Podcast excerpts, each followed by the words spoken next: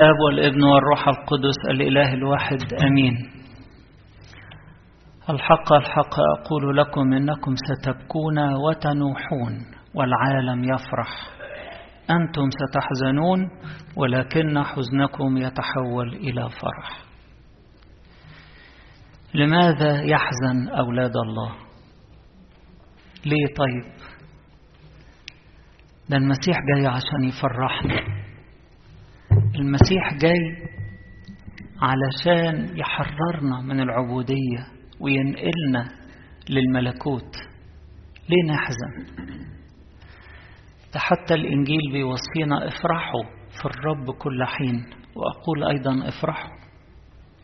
ومن ثمار الروح القدس محبة وفرح.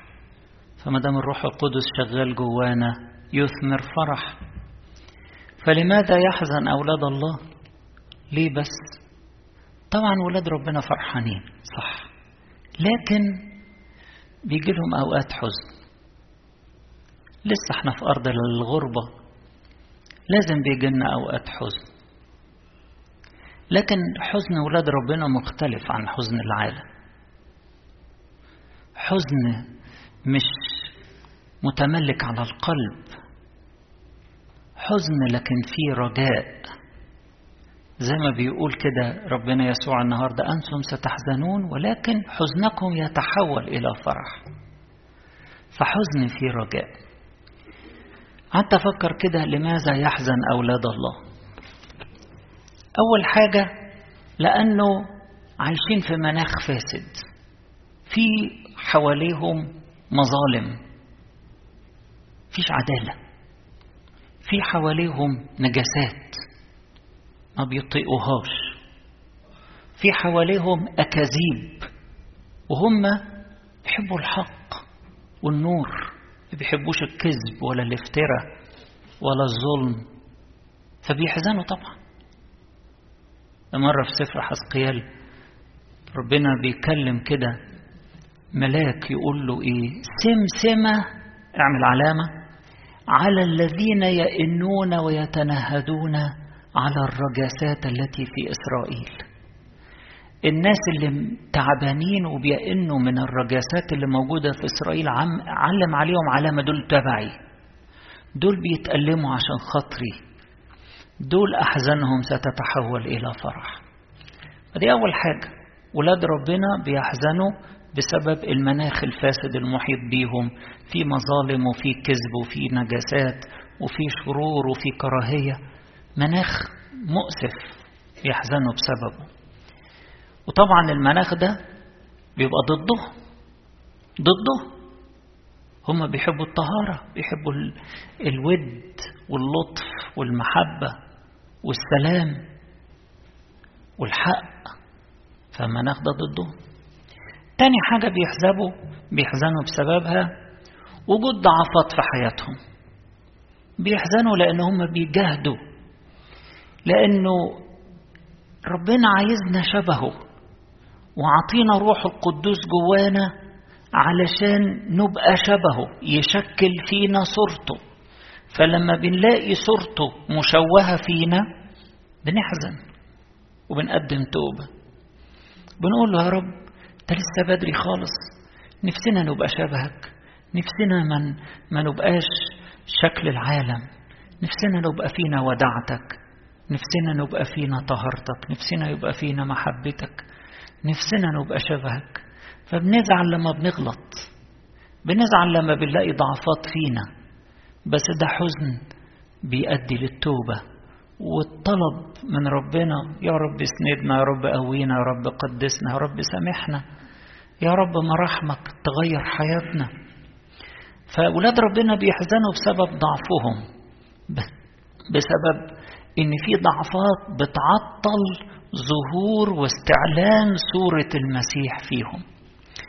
تالت حاجة بيحزنوا من أجلها أولاد ربنا مضايقات عدو الخير ضدهم اللي ما بتنتهيش اللي ما بتنتهيش أبدا من كل جهة من جوه ومن بره من جوه الأسرة ومن بره الأسرة من جوه البيت ومن بره البيت. مضايقات عدو الخير ما بتنتهيش. حرب لأن إحنا ولاد ربنا. وهو بيحسدنا بيحسدنا على النعمة والخير اللي إحنا فيه. فولاد ربنا أحيانا يحزنوا بسبب إن عدو الخير ما بيبطلش بهدلة فيهم تشويه لصورتهم حرب عليهم. بكل الأنواع بالأفكار وبالمعاداة من الناس. فبيحزنوا شوية. لكن بيطلبوا معونة ربنا ويصرخوا لربنا ويلجأوا له فينقذهم. رابع حاجة بتحزن ولاد ربنا هلاك نفوس كتيرة بتبعد وبترفض محبة ربنا وبترفض أحضانه المفتوحة. فبتبعد عنه وبتهلك. حاجة مؤسفة حاجة محزنة لأولاد ربنا اللي نفسهم الجميع يخلصون.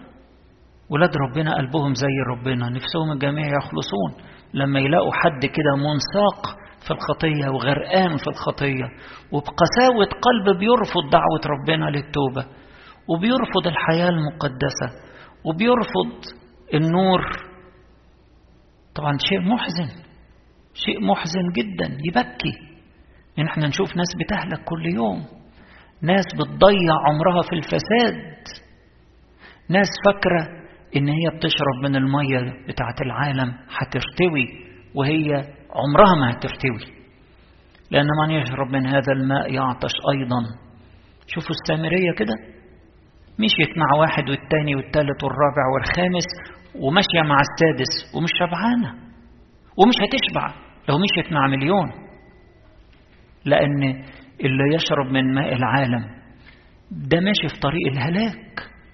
فشيء محزن لأولاد ربنا إن هم يشوفوا ناس مصممين مع إن أحضان ربنا مفتوحة وأبوابه مفتوحة وكنيسته مفتوحة. مصممين على العناد مصممين يمشوا في سكة تانية. في سكة تانية بعيدة عن ربنا. وأكتر شيء محزن بقى كمان لو حد من ولاد ربنا في الكنيسة. الكنيسة مفتوحة له بس هو مش موجود. هو مشغول في حاجات تانية. مشغولين في حاجات تانية. غير ربنا غير القداس غير التوبة غير كلمة ربنا. لهم أذان مش بيستعملوها. لهم أعين ومش متوجهة ناحية ربنا. فده شيء محزن محزن يبكي. عشان كده وإحنا في الكنيسة بنصلي من أجل كل اللي هم بعيد عن ربنا. سواء كانوا بعيد بالجسد أو موجودين في وسطينا ولكن هم بقلبهم مبتعدين بعيدا. فشيء محزن لولاد ربنا إن هم يشوفوا هلاك الكثيرين اللي بيبعدوا وبيرفضوا بقساوة بقساوة قلب دعوة ربنا ليهم للخلاص. يبقى لماذا يحزن أولاد الله؟ أنا قلت أربع حاجات وأقول كمان واحدة. أول حاجة وجود مظالم وأكاذيب وفساد ونجاسات في العالم اللي حواليهم.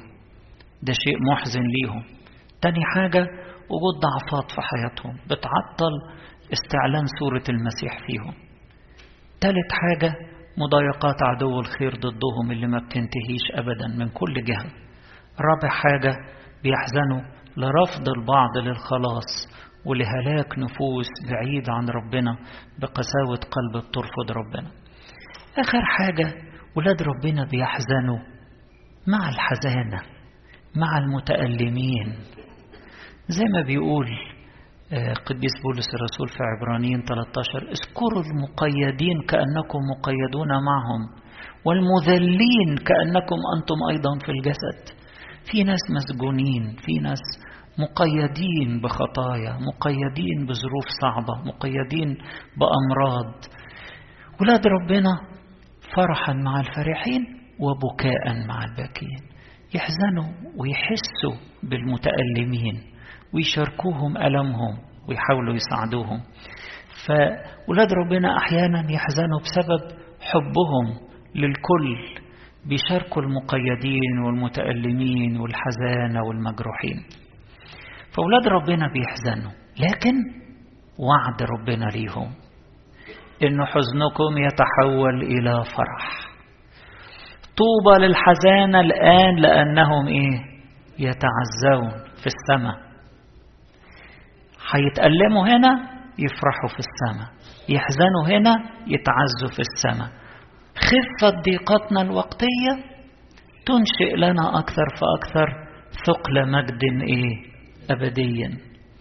الطريق كرب وضيق وفي أحزان وفي أتعاب واضطرابات لكنه مؤدي إلى الحياة الأبدية مؤدي إلى فرح ومجد أبدي.